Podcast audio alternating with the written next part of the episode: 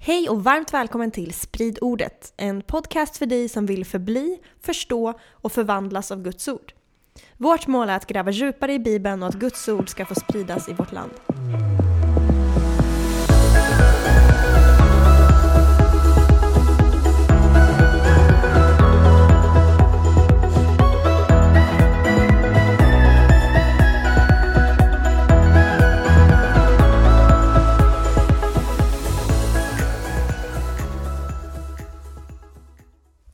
Kung David är en av Bibelns mest kända figurer. Han är antagligen den mest beskrivna och komplexa karaktären i hela Gamla Testamentet. Och antalet sidor som handlar om hans berättelse är fler än någon annan person i Bibeln förutom Jesus. Så det borde få vår uppmärksamhet. Varför får David så mycket uppmärksamhet? Han var en kung, absolut. Men för Bibelns helhet, varför är han så viktig? Så det är det vi kommer prata om idag och det ser jag fram emot. Men eh, först, Petrus. Hur är läget? Det är bra med mig Jenny. Eh, vi har haft en jätteskön vecka, mycket firande, mycket intensivt. Vi har haft några vänner som eh, gift sig, eller flera vänner. Mm. Flera helger i rad känns det som. Superhärligt, Ja. fira kärleken. Fira kärleken. Det är vackert. Ja, det är grymt alltså. Så ja, det har inte varit så mycket sömn de senaste dagarna dock. Gör du liksom en reservation här nu för dagens content? Eh, ja, ja, varför inte? Men alltså Jesus sa ju vaka och be, han sa inte sov och be. Liksom. Ja, det sa han jag, faktiskt. Jag tänker att eh, eftersom jag har varit vaken mer, mer än vanligt så tror jag att det kommer bli jättebra avsnitt där. Jag tror det kommer bli grymt. Ja, Ska vi fira med vila sen? Mm. Ja. men vi håller ju på med profetier om Jesus. Och eh, eftersom du är med i den här podden och har en åsikt Ja, så eh, kommer vi inte behandla allt eh, om profetier om Jesus, för då tycker du serien blir alldeles för lång. så det kan vara så. Ja, att jag Ja. har sagt det någon gång. Så, ja. så att alltså, vi, kommer, vi har ju behandlat hyfsat i de första fem böckerna i Bibeln, Moseböckerna, Stämmer. och häftiga profetier där. Nu kommer vi göra så att vi kommer hoppa över Josua bok och Domarboken. Eh, och kanske även Boas och Rut, för Boas och Rut, eller Ruts bok alltså, det vill säga, eh, utspelar sig under domarboksperioden. Och alla de här böckerna innehåller jättemycket profetier om Jesus som är jättestarka. Eh, men Hem och läs. Ja, hem och läs, precis.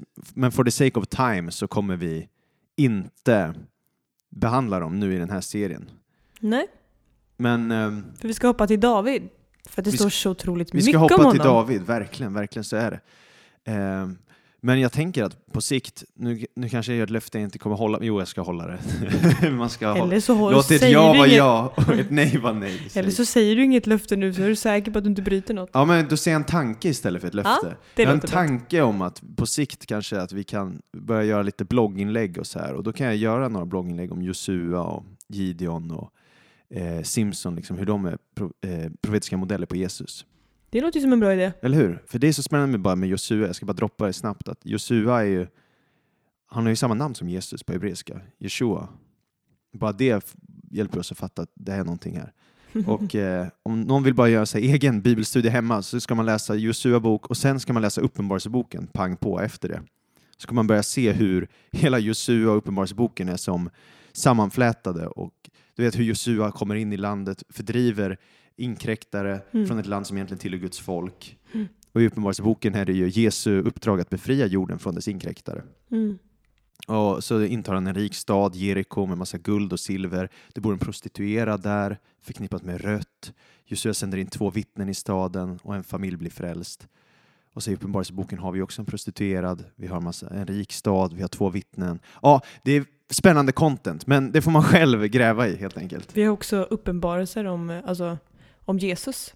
Att man möter Jesus. Just det. Det finns ju teorier om att den som Josua möter, som kallas för befälhavaren över Herrens armé, Ja. eller? ja. att eh, det är Jesus.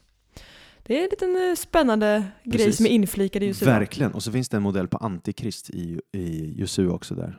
En, en falsk kung som heter Adonai Sedek, eller Adonisedek, rättfärdighetens herre. Men så är han mot, eh, motsatsen till rättfärdighetens herre.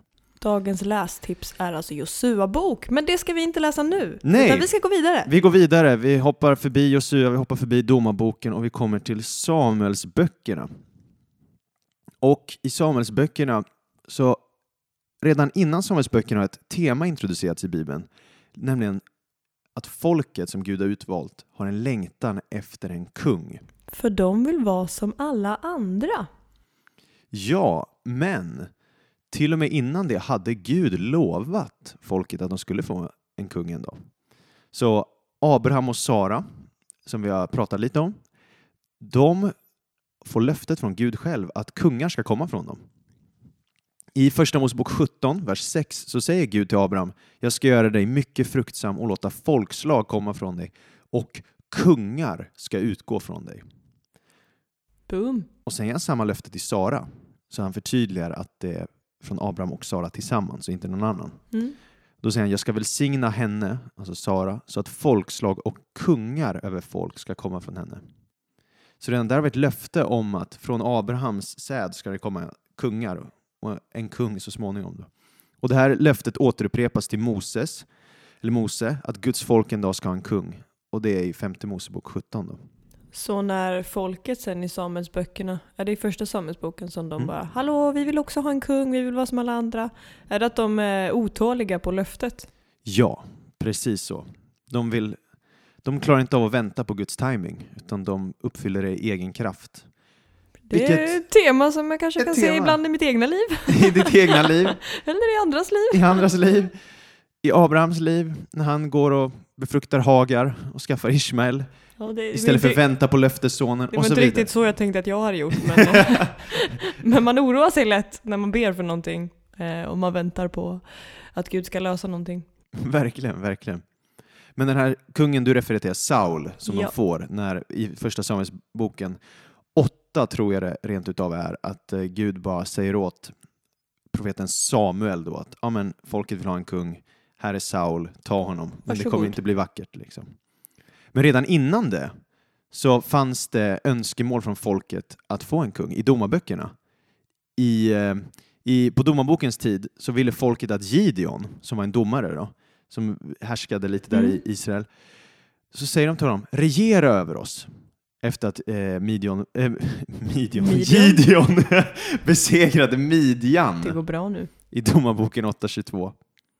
Och då säger de så här, i, i, i, om du vill läsa Domarboken 8.22, när folket talar till Gideon här.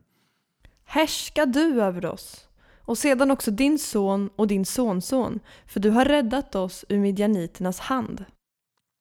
Men Gideon, han säger, nej tack, Herren ska härska över er. Varför tackar han nej? För att han visste att tanken var att Gud skulle vara deras kung i det här fallet. Han har ödmjukheten att han har inte blivit kallad till att bli någon kung. Det är folket som vill det, men Gud har inte sagt det till honom. Mhm. Men Gideon får en son då, Abimelek. Ja. Och den här sonen var inte lika teologiskt grundad som sin far, eller lika ödmjuk för den delen.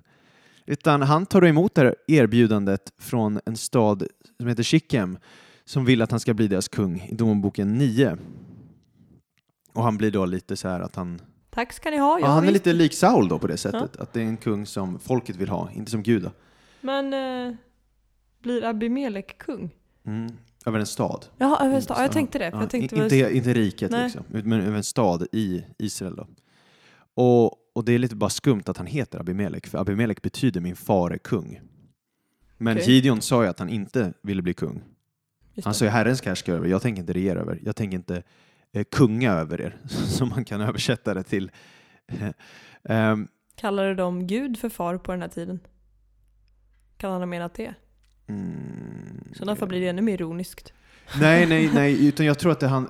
Nu, nu står det still i mitt huvud här. Jo, jag tror att det finns en referens till Gud som far i Moseböckerna. Ja. Men det det handlar om är att Abimelek antagligen bytte namn på sig själv för att legitimera sitt kungadöme. Ah. Eftersom hans farsa Gideon kunde ju blivit kung. Det skulle ju också kunna vara, alltså, vissa namn i historien är ju också så här ämbete. Eh, så det kan ju vara att han byter till det om man nu byter för att visa sitt ämbete som kung. Ja men precis, det är det han gör. Men hans farsa var ju inte kung och han, hans namn betyder ju min far är kung. Och det är då att han fejkar någonting för att bara legitimera sig själv. Och Abimelek var ju väldigt ond. Han dödade så här sina 70 bröder typ så här. Och, Det var inte ja, snällt. han var maktgalen. Så det var lite en så här foreshadowing av Saul sen då. Som har ett liknande öde, att han dör i strid och ja, blir en Spoiler alert. ny Abimelek. Men om vi hoppar tillbaks till Samuelsböckerna där. Mm. Eller hoppa fram. Jag menar fram, ursäkta. Situationen där med Saul som kung, Mm. det är ju att Herren förkastar honom som kung för att han var olydig och Mm. gjorde dåliga saker. Och då kommer en fras, att Gud har sökt sig upp en man efter sitt eget hjärta Det var fint. i första Samuelsboken 13. Och den här mannen skulle visa sig sen vara David då, son till Ishai eller Isai eller Jesse, beroende på vilken översättning man läser. Det är samma person. Det är samma person. Jag kommer kalla hans farsa nu Ishai. Mm. Mm. Och David blir sen då smord av den här profeten eh, Samuel i, först, i kapitel 16. Och sen kommer David senare smörjas eh, av stammen Juda och sen av hela nationen Israel så småningom. Ja, helt enkelt. Och eh, det finns ju en del kontraster då mellan Saul och David här. Att eh, Saul hade ju ett utseende som talade för att han skulle vara kung.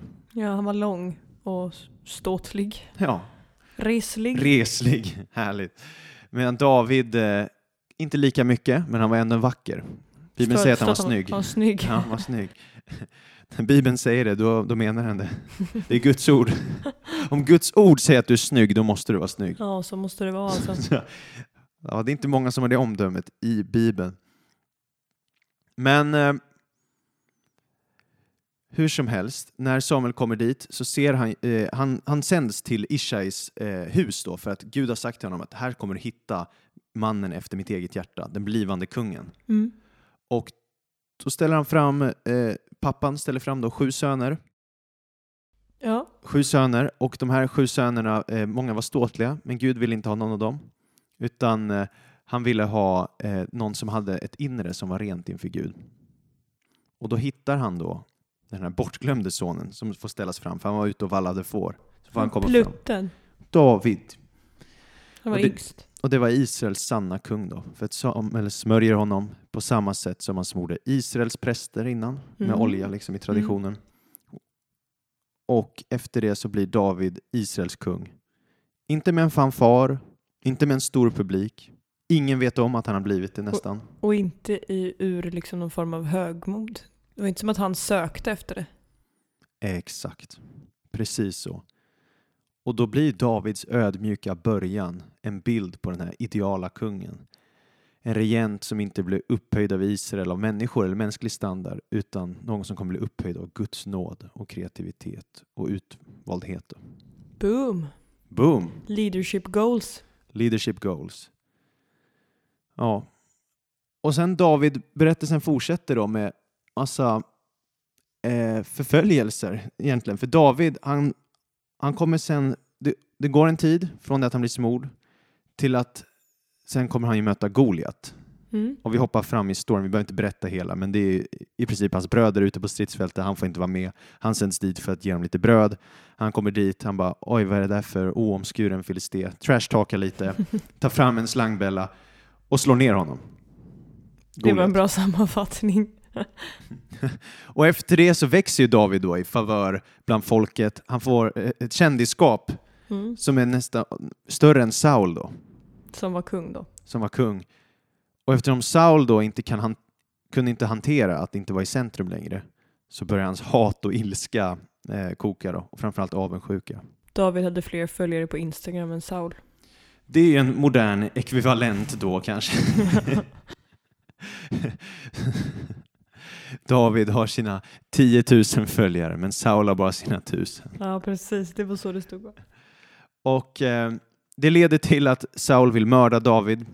Så David spenderar väldigt mycket tid på rymmen. Alltså avundsjuka är fett läskigt. Comparison kills. Ja, det gör det. Ja, det finns så mycket predikningar inpackat här liksom, så man blir så sugen på att göra men jag ska försöka att inte göra det så att vi hinner med allt vi ska säga här istället. Det här är ju faktiskt en bibelnördundervisningspodd och inte en predikopodd. Ja, exakt. Predikningarna får eh, lyssnarna skriva själva sen efter alla uppenbarelser de får. Ja, perfekt. Halleluja. Bra. Grymt. Eh, David eh, skickas ut i öknen. Eh, han, han, han göm, gömmer sig där. Han jagas av Saul. Men i, i alla de här situationerna så behåller David fast vid sin karaktär. Han litar på Gud i allt Mm. och att Gud kommer bära. Och David får faktiskt möjligheten att döda Saul vid en episod Mm. I en grotta när Saul ska I en toapaus. ha en toapaus. Ja. Men David gör det inte. Han tar inga genvägar. Utan han litar på Gud. Och han vågar inte skada Saul som han ser som Herrens moder. Då. Ja, eftersom Gud utvalde honom först till att vara kung. Yeah. Det är ju faktiskt, även fast han inte var världens bästa kung så var han ju ändå utsänd av Gud. Och det var därför David inte ville gå emot Gud helt enkelt. Han hade gudsfruktan. Så David tar inte till sig kungadömet utan han vill få det givet till sig. Mm. Och han då hela tiden ödmjuk tjänare. Så det är det som är temat liksom. Han litar på att Gud en dag kommer öppna dörren. Men David kommer ju inte vara den här eh, underdogen som är förföljd av Saul hela livet, utan till slut så blir ju Saul galen och dör i princip i strid med filisterna. Då. I princip, vad säger jag? Han dör. Han dör. inte, han dör inte i princip, han dör. Bli inte galen, dagens lärdom. Och han, da, men det sjuka här är ju hur David, han börjar sörja Sauls död. Sin fiendes död. Men det är ju också hans svärfar. Det är också hans svärfar, ja. Så det är ju familjeband också. ja. Familj kan vara komplext enligt Det kan David. vara väldigt komplext. Och sen eh, så är det också att Sauls eh, son Jonathan var ju Davids bästa vän. Mm. Och de båda dör. Jonathan och Saul dör. Så David skriver dikt till dem, till minne av dem. Och, ja, har en sad moment. Hemskt. Fint. Men efter det kommer berättelsen fokusera på Davids upphöjande. Och då är vi inne i andra Samuelsboken. Hur Davids egen stam Juda vill ha honom som kung i kapitel 2. Sauls hus börjar kollapsa så småningom eftersom Saul och Jonathan är döda och så börjar falle- fallera. Och till slut så blir det att David blir kung Ja. och han väljer att ena alla Israels stammar. Och eh, bland det första David gör efter att han enat riket, det är att han tar över en stad på ett högt berg. En kananeisk stad. Staden Jebus.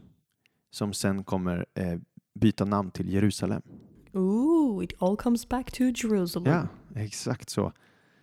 Så vi kan läsa bara det, det kan vara intressant att läsa. Andra Samuelsboken 5, vers 67. Kungen och hans män tågade nu mot Jerusalem och jebusiterna som bodde där i landet. Dessa sa till David, hit in kommer du inte. Till och med blinda och halta ska driva bort dig. De tänkte, David kan inte komma hit in. Men David intog Sionsborg, det vill säga Davids stad. Ja, så det handlar då här om att David skaffar sig Jerusalem. Han, han ser till att eh, Jerusalem blir det här nya headquartert. Mm. Eh, han tar det från några kananéer och han, det får namnet Sionsborg, det vill säga. Davids stad. Ja, precis. Jebusiter, vad sa jag? Kananiter. Ja, men de, de, de var kananéer, jebusiterna, för de bodde i Kanans land. Liksom. Jaha. Ja, men det är specifikt då. Eh, och kapitlet efter det är hur David kommer ta Guds ark. Guds ark som är en symbol för Guds närvaro, som hade vistats i eh, ett tält då. Och han bär det till Jerusalem i nästa kapitel. Och i den här episoden så agerar David som en präst. Och vi kommer kolla på det lite. Hur, det kommer bli som en bild på hur David, på, man, kan, man kan använda det här språkbruket, att han planterar ett nytt Eden med Guds närvaro i en stad på ett berg. För att Eden är ju Guds närvaro och han skaffar det på det här höga berget Jerusalem. Mm. Och på det här berget så offrar han till Gud och så kommer han välsigna folket och förlösa välsignelse till alla. Och Jerusalem kommer då bli den här symbolen på, ja men säg Guds rike kan vi kalla det, för Eden är ju symbol av Mäktigt. Guds rike. Så, eh, så det här kommer vara en spännande episod att läsa när David agerar inte bara som kung utan också som präst. Och Fick man göra det om man inte kom från leviternas stam? Ja, om det tvistar de lärda, så att Ja. säga. Men det är väldigt intressant här att David Ja. faktiskt inte är levit. Och det- vi pratat lite om det i Melkisedek-avsnittet. Ja. Och här kommer vi se då att David faktiskt agerar i likhet med Melkisedek.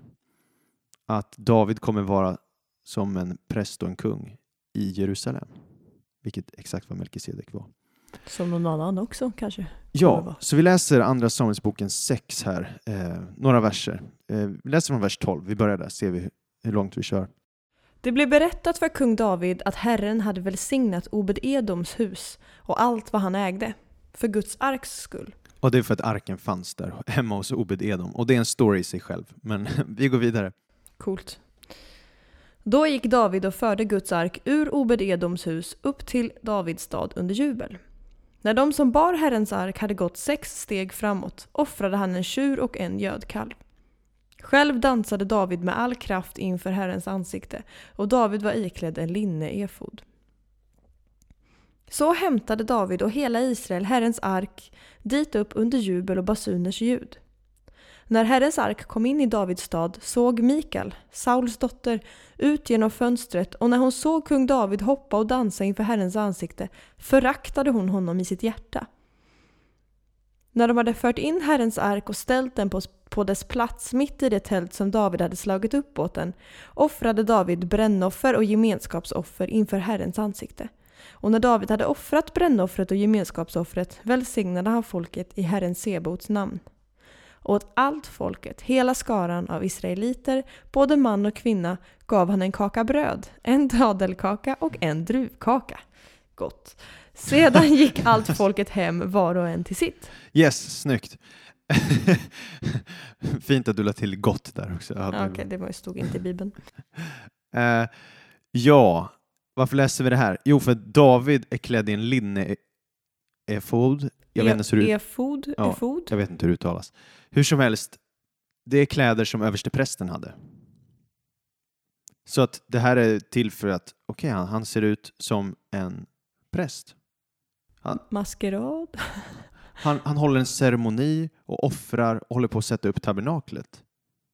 Vi läste det att han tar med tältet och allting. Så att, och de här som bär Herrens ark, det är ju leviter som gör det, för det var bara de som fick bära det.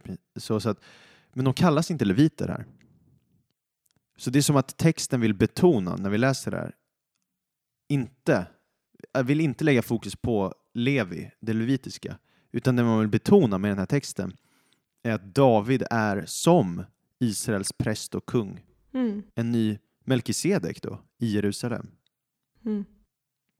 Så det blir som introduktionen till Davids kungadöme.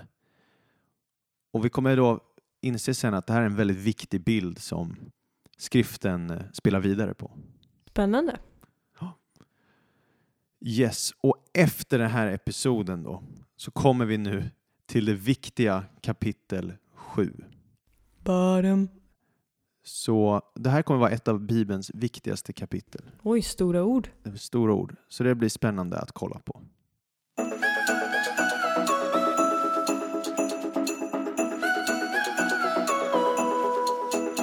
Bibelns viktigaste kapitel. Ja, eh, jag sa inte eh, viktigast, jag sa ett av Bibelns viktigaste kapitel. Enligt Petrus, ett av Bibelns viktigaste kapitel. Och varför säger jag så? Jo, det är för att här kommer Gud ge David ett löfte. Mm.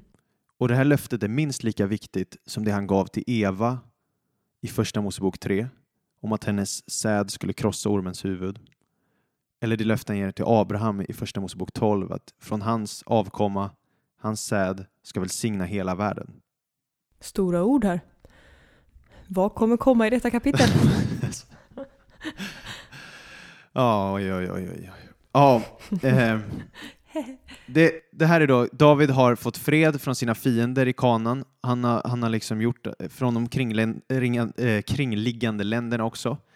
Och han har byggt klart sitt sederpalats. Han har fått massa trä från eh, kung i Libanon. Och eh, då börjar han känna så här, ja men okej, nu har jag en längtan här. Och han börjar snacka med profeten Nathan. Jag har en längtan att bygga ett hus åt Gud. Guds närvaro, arken kan inte bo i ett tält. Liksom Nej. ett gammalt tält, 400 år gammalt eller vad det är. medan jag bor i värsta lyxhuset? Rimlig fråga. Så då säger han, kan jag inte få, göra, kan jag inte få bygga något fint hus? Och Nathan tycker det är en riktigt bra idé. Han säger, ja men gå och gör allt du har på ditt hjärta.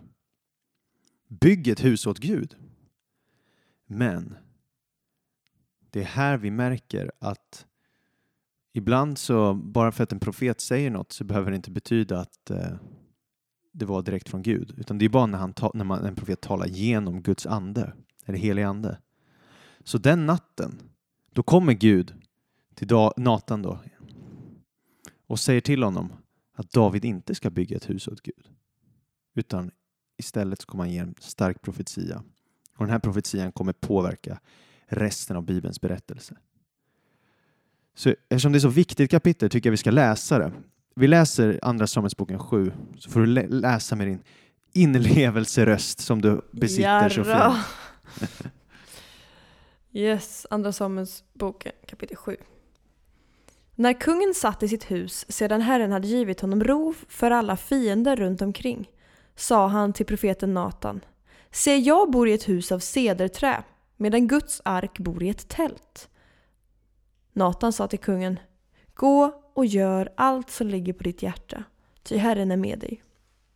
Men den natten kom Herrens ord till Natan Gå och säg till min tjänare David, så säger Herren. Skulle du bygga mig ett hus att bo i? Jag har inte bott i något hus från den dag jag förde Israels barn upp ur Egypten ända till denna dag, utan jag har flyttat omkring i ett tält, i ett tabernakel. Har jag någonsin, var jag än flyttade omkring med alla Israels barn, talat och sagt så till någon enda inom Israels stammar, någon som jag förordnat till herre för mitt folk Israel? Varför har ni inte byggt mig ett hus av cederträ? Nu ska du säga så till min tjänare David. Så säger Herren Sebot. Det var jag som hämtade dig från betesmarken där du följde fåren, för att du skulle bli först över mitt folk Israel. Jag har varit med dig på alla dina vägar och utrotat alla dina fiender för dig, och jag ska göra dig ett stort namn, likt de största namnen på jorden. Jag ska bereda en plats åt mitt folk Israel och plantera det, så att de får bo kvar där utan att vidare oroas. Onda människor ska inte mer förtrycka det, så som det skedde förr. Allt ifrån den dag då jag satte domare över mitt folk Israel. Jag ska låta dig få ro för alla dina, för alla dina fiender. Nu förkunnar Herren för dig att Herren ska bygga ett hus åt dig. När din tid är ute och du vilar hos dina fäder ska jag efter dig upphöja den avkomling som ska utgå ur, ur ditt liv och jag ska befästa hans kungadöme. Han ska bygga ett hus åt mitt namn och jag ska befästa hans kungatron för evigt. Jag ska vara hans fader och han ska vara min son. Om han gör något orättfärdigt ska jag straffa honom med ris, så som människor brukar, och med plågor som drabbar människors barn. Men min nåd ska inte vika ifrån honom, så som jag lät den vika från Saul, som jag lät vika för dig. Ditt hus och ditt kungadöme ska bestå inför mig till evig tid. Ja, din tron ska vara befäst för evig tid. Så här ger Gud jättemånga viktiga löften till David som påverkar inte bara Bibelns berättelse utan hela världshistorien. Och det spännande är att det börjar med att David säger att han ska bygga ett hus åt Gud. Och Gud säger nej, nej, nej, nej, nej. Nej, nej, nej, nej, nej. Jag ska bygga ett hus åt David. Boom.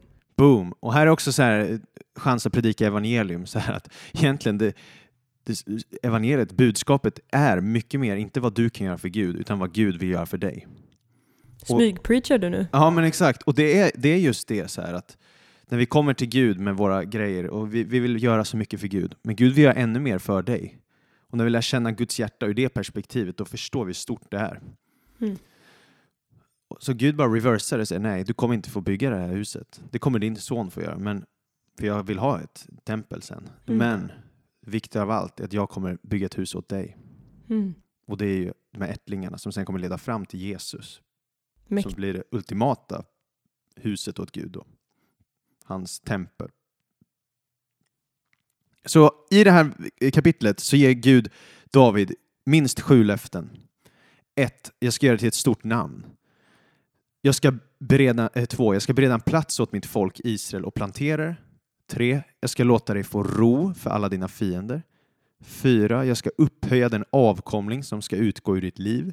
5. Davids son ska bygga ett hus åt Guds namn. 6. Jag, jag ska vara hans far och han min son. Och 7. Att Davids kungadöme ska bestå för evigt. Come on. Så när David hör det här blir han ju helt mindblown. Han kan inte ens tro sina öron. Så han bara eh, sätter sig inför Herrens ansikte. Han, antagligen, det betyder antagligen att han går in i Guds närvaro där vid arken, i Ja. närheten av det, i, i tabernaklet. Då. Så säger, bara ropar han ut, vem är jag Herre? Vad är jag för någon som, att du skulle föra mig ända hit? Och det är ändå för litet för dig. Nu tänker du liksom bygga mitt hus också och han är helt chockad och bara ropar eh, Herre, Herre eller Ja. Adonai Jave. Det vill säga ett namn som dyker väldigt sällan i den kombinationen. Utan det, Okej. det dyker upp jag tror det bara en gång innan och det är första Mosebok 15. Jag är osäker nu om det är enda gången innan, men det är som Inte många gånger i alla inte fall. många gånger innan. Och det, det finns en man, Walt Kaiser, som är eh, här, ja, expert på hebreiska bibeln. Då. Han menar att det, det är en tydlig referens tillbaka till när Gud gav löfte till Abraham om en säd och avkomma i Första Mm. Mosebok 15. Och därför vill David med de här ordvalen, att säga Adonai Jave, visa att, att vad Gud lovade David nu är en del i den löftesplan som gav till Abraham då, och sen Mm. Isak och Jakob. Wow. Ja, det är starkt. Det är starkt. Och för att knyta an det här till eh, vårt, eh, vår tidigare episod, eh, som var eh, förra episoden då, då pratade vi ju där om att eh, hur Jakob, eller Israel då, i slutet av sitt liv profeterade om hur Juda, det skulle komma någon som ska regera från Juda, Mm. stammen Juda. Och sen hur Biliam profeterar om en stjärna och en spira från Jakob som Just skulle det. krossa alla fiender. Och nu ser vi ju att den här manteln har fallit på Davids avkomma. Och att det är Davids son som ska regera för evigt. Och den här Davids son sen då, när vi kommer till Nya Testamentet, kommer vi märka är Jesus. Och det är därför det är så viktigt, evangelierna hela tiden säger att han är Davids son. Om man inte Mm. läst hebreiska bibeln, om man läser Nya Testamentet, då kommer man se Davids son, Davids son överallt. Davids son, liksom. Davidsson, Jesus Davidsson, Ja, hans efternamn. Exakt, Jesus Davids son. Om man läser bara, "Ha, varför är det så viktigt? Då kommer vi tillbaka till den här profetian Yes, och löftena. superviktig profetia. En profetia som också sa då att det kommer vara Guds egen son. Mm. Där, Ja, för att han, han kommer vara eh, min son och jag kommer vara hans far. Gud säger det. Mm. Stort. Eh, och eh, psalm 89, det är en psalm som refererar tillbaks till den här eh, eh andra Samuelsboken 7. Vi behöver inte läsa den, men där, om man vill bara se så finns det som en commentary på andra Samuelsboken 7 i psalm 89. Och där eh, pratar det verkligen om hur, hur den här kommande frälsaren då kommer ropa, Messias kommer säga Du är min fader, min Gud, min frälsningsklippa till Gud. Och sen står det ett löfte där om hur Gud kommer göra Davids son till den förstfödde, till den högste bland kungarna på jorden. Mm. Och det här är viktigt för att vissa tror att förstfödd handlar bara om att man är född först. Och det snubblar vissa på när man kommer till Nya Testamentet och Jesus kallas den förstfödde. Ja, det låter ju logiskt att man är född Ja, först precis, när man är den precis. förstfödde. Så det är ju inte en konstig tankegång. Nej men precis, så till exempel eh, Jehovas vittnen eller andra tänker att Jesus är skapad. För det står i Kolosserbrevet att han är eh, förstfödd eh, över skapelsen eller något sånt där. Aha. Då tänker man att han är skapad först. Okej. Så att han inte är Guds son? Eller vad? Jo, jo, att han är Guds son, men Jehovas vittnen tror inte att Jesus alltid funnits. De tror att han är Jaha, skapad. du menar så. Att han Okej, är nu är jag född. med. Förstfödd. Ja. Men förstfödd är en position. Det är den som är först i rank och privilegium. Det är det det handlar om. Du kan bli förstfödd. Det är inte bara något du föds till. Man ser ju där i Bibelns berättelse hur folk förlorar sin förstfödslorätt. Gud kan alltså Mm. ge någon Det är någon extra välsignelse i att vara född först. I den, på den här tiden. Ja, precis. Så kan man se det. Men, men poängen är att det handlar inte bara om födsloordning. Utan det handlar om en rank och en position. Ja. Och det är det, det som är så viktigt då. Ja, och det här är ett evigt förbund, så Gud kommer hålla det oavsett vad. Att Mm. Gud har talat till David, det är liksom for sure. Han kommer fullborda det. Så den här profetian Natan ger oss då i Andra Samuelsboken 7 lär oss jättemycket om den kommande Messias. Att Messias kommer vara från Davids kött och avkomma, han kommer vara Davids arvinge, han kommer vara Guds son, han kommer att rike och regera utan slut och han kommer komma till jorden då en dag i framtiden. Så den här storylinen blir då att vi har rört oss från kvinnans avkomma som ska Mm. besegra Satan till eh, Abrahams avkomma som kommer välsigna hela världen. Mm. Du menar att du gör en recap över serien? Ja, precis. Och sen till Davids avkomma som kommer regera utan slut. Nu, Mm. nu gjorde jag en jättekort. Alltså, vi Mm. har ju pratat också om Sems profetia, no, Ja. no, no, ja, du fattar. Men eh, alltså när det är uttryckliga, explicita uttalanden från Gud själv så är det som att han smalnar av ledet så vi vet exakt från vem Messias ska komma. Mm. Och det är då David. Och det här är ett evigt förbund. Det betyder att hur ruttna regenter det kommer från Davids släkt, som det också kom i historien om man läser kungaböckerna, Ja. så kommer Gud hålla löftet och en dag kommer det komma någon som verkligen gör det som är tänkt. Så om vi läser det i Jeremia 33, det här är en profet som kommer långt efter Davids tid och reflekterar över det här förbundet Gud slöt med David. Så Jeremia 33, 33 19-21. Yes.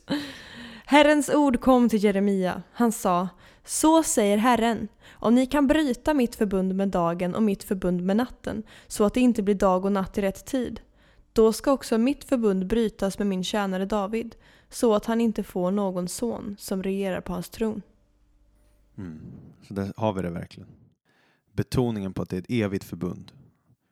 Och sen när vi kommer till Nya Testamentet, då, då är det ju så här. Ängeln Gabriel typ i Lukas evangeliet kommer och säger så här att wow, det här är... När han, han kommer till Maria och säger du ska bli havande föda en son, han kommer heta Jesus. Han ska bli stor, kallas den högstes son och Herren Gud ska ge honom hans fader Davids tron. Han ska vara kung över Jakobs hus för evigt och hans rike ska aldrig ta slut. Mm. Så Jesus är uppfyllandet av den här profetian då. Det här är viktiga profetian. Fatta vad sjukt att höra det.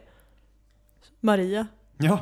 det är inte som att hon har gått runt och trott att så hela livet att åh, jag kommer nog föda Gud. Nej, nej, det är galet. Det är galet. Absurt. galet. Guds son föder hon. Ehm, bara en kort referens också. För vissa kanske snubblar. Nu, nu är du så trött kanske så du missade att vi läste där i Andra Samuelsboken 7 att det var en passage där det stod också om den här profetian att om han syndar kommer jag tukta honom med ris. Ja, och, och, och allt det där. Och det, då blir vissa så här bara, vänta, hur kan det här vara en direkt referens till Jesus? För Jesus syndade ju aldrig. Så vadå, hur är det en profetia om Jesus då? Men det handlar om att det här kapitlet är ett löfte som gäller Davids alla ättlingar, så inte bara Jesus då. Så han- Gud kommer alltid tukta dem och försöka leda dem rätt. Och, och, och om- så om de misslyckas och inte lever upp till sitt kall. Men, och även om de liksom kör nationen i botten, vilket vissa av Davids ättlingar gjorde då, så Ouch. kommer hoppet om en framtida kung som David stå kvar. Ja, men kan man inte se det också som en profetia på Jesus eftersom Jesus tog på sig alla synd? Och blev ganska rejält tuktad då? Eller är det för långsökt? Pff, ja, bra fråga. Jag har inte reflekterat över det. Men nu gjorde jag det. Ja, nu, nu har du gjort det. Om jag inte hade varit så sleep deprived hade jag kunnat ge ett bättre svar tror jag. Men oavsett så blir det här ett tema profeterna plockar upp. Så Jeremia och Hesekiel, de pratar om att det ska komma en kung i framtiden. Och ibland, de kallar honom inte ens Davids son, de kallar honom David. För de, de, de levde ju i den här tiden när Davids ättlingar slungades in i fångenskap och exil, precis som Gud profeterat om också. Mm. Och då bara letar de efter det framtida uppfyllandet av Guds löfte. Och då letar de inte efter en ny Saul eller en ny Salomo, utan en ny David. David. En ödmjuk kung som skulle ödmjuka sig under Guds vilja. En kung med radikal tillit till Gud Fadern, som skulle låta Fadern upphöja honom i rätt tid. En kung som kom från Betlehem likt David och som inte hade de yttre markörerna Nej. för att visa att han är Guds moder. Han är en tjänare och en kung lik David. som inte armbågar sig fram utan levde efter Faderns fullkomliga vilja och litade på Guds timing. Det är den de lä- längtar efter, Israels sanne kung, som, som också blev förföljd av sina bröder. Mm. Så som avslutning tänkte jag bara visa på lite paralleller då. Kort gå igenom lite lista eh, likheter mellan David och Jesus. Så vi ser hur Jesus blev den nya David, Davids son. Yes.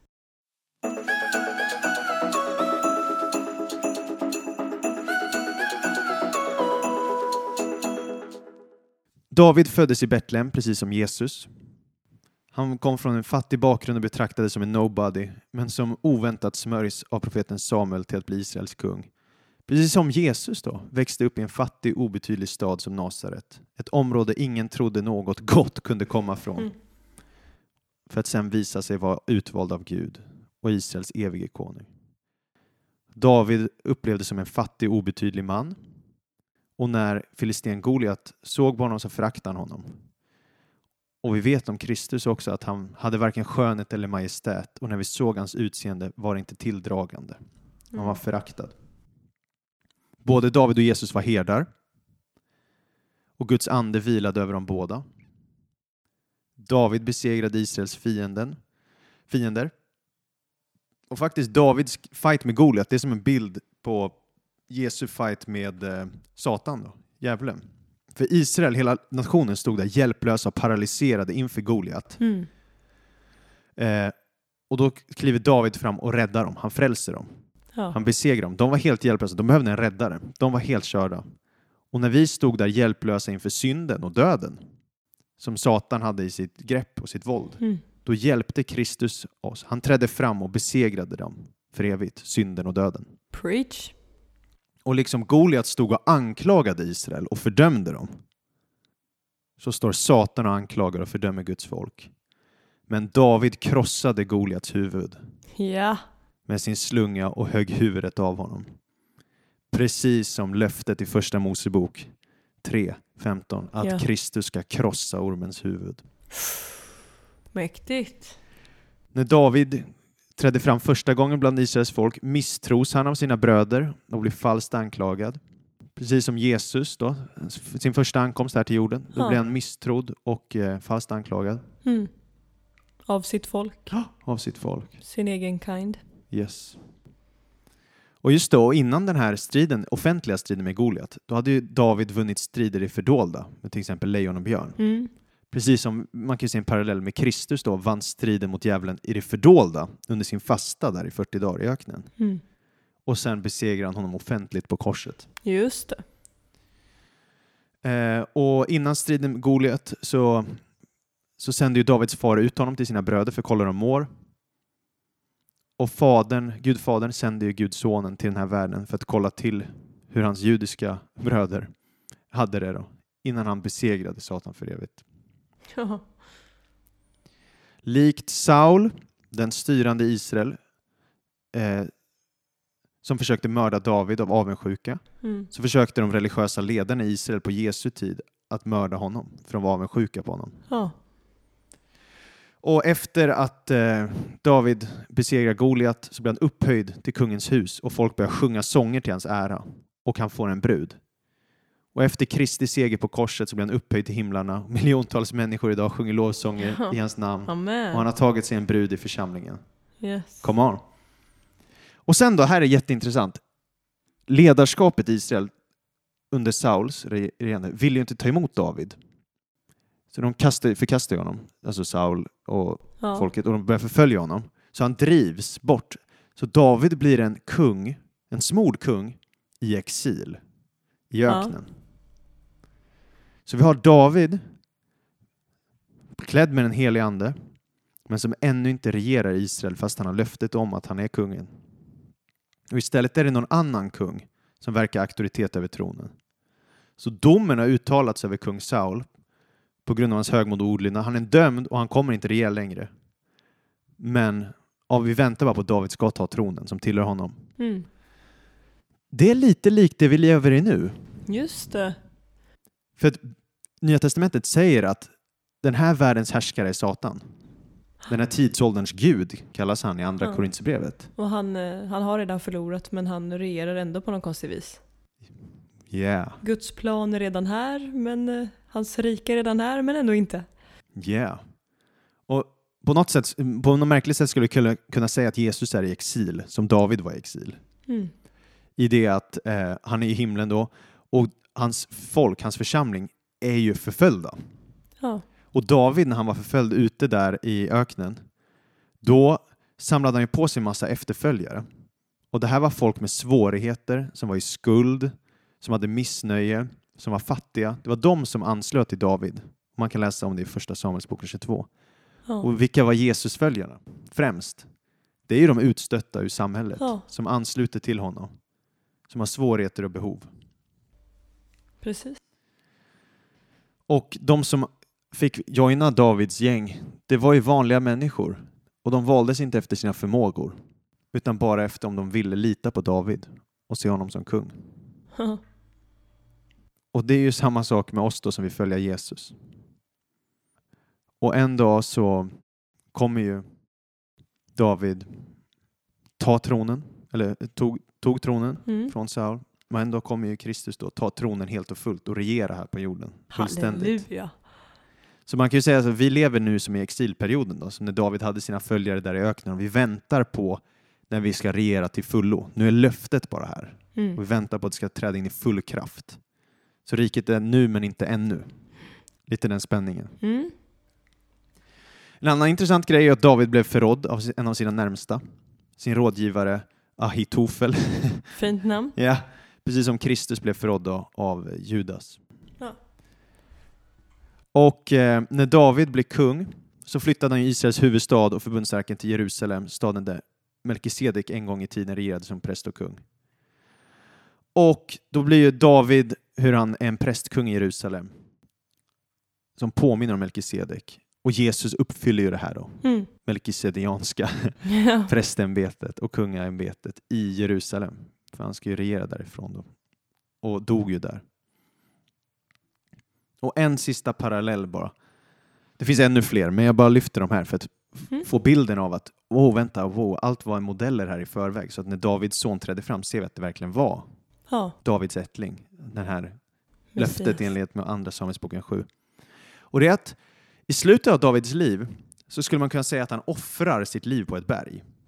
Och det ni inte ser nu är att Petrus gör citationstecken med fingrarna. På offrar. Ja. och det är för att vi, när vi pratar om Moses så sa vi att Mose offrade sitt liv på ett berg. Han var villig att eh, offra sitt liv Ja. för att folket skulle bli räddat. Skillnaden här är att David, han begår en grov synd. I, när vi läser det bara, vadå grov synd? Ja, men han gjorde en folkräkning av big deal. Men tydligen var det en big deal Mm. för antagligen var det en högmodshandling. Och Gud säger, ah, men det här är inget bra, det kommer komma en dom över er, över folket, över nationen. Du får välja bland tre domar. Och David säger bara, ah, men jag lägger det i Guds händer, för du är barmhärtig. Låt den domen komma. Och det blir en ganska allvarlig dom, det kommer en plåga Mm. som börjar drabba människor. Och David blir då helt förkrossad, är uppe på det här berget, alltså det är Jerusalemberget då, ställer sig där och säger, nej men ta mig istället. Jag tar på mig den här skulden. Ta ditt straff på mig istället så att folket kan gå fria. Mm. Och sen gör han upp ett altare där och offrar till Gud. Och då står det att vreden eh, försvinner i Andra Samuelsboken 24. Wow. Så när David gör ett offer på ett berg, först sa han sig själv, men sen då ett, ett offer. Likt Noa. Noa gjorde ett offer på ett berg.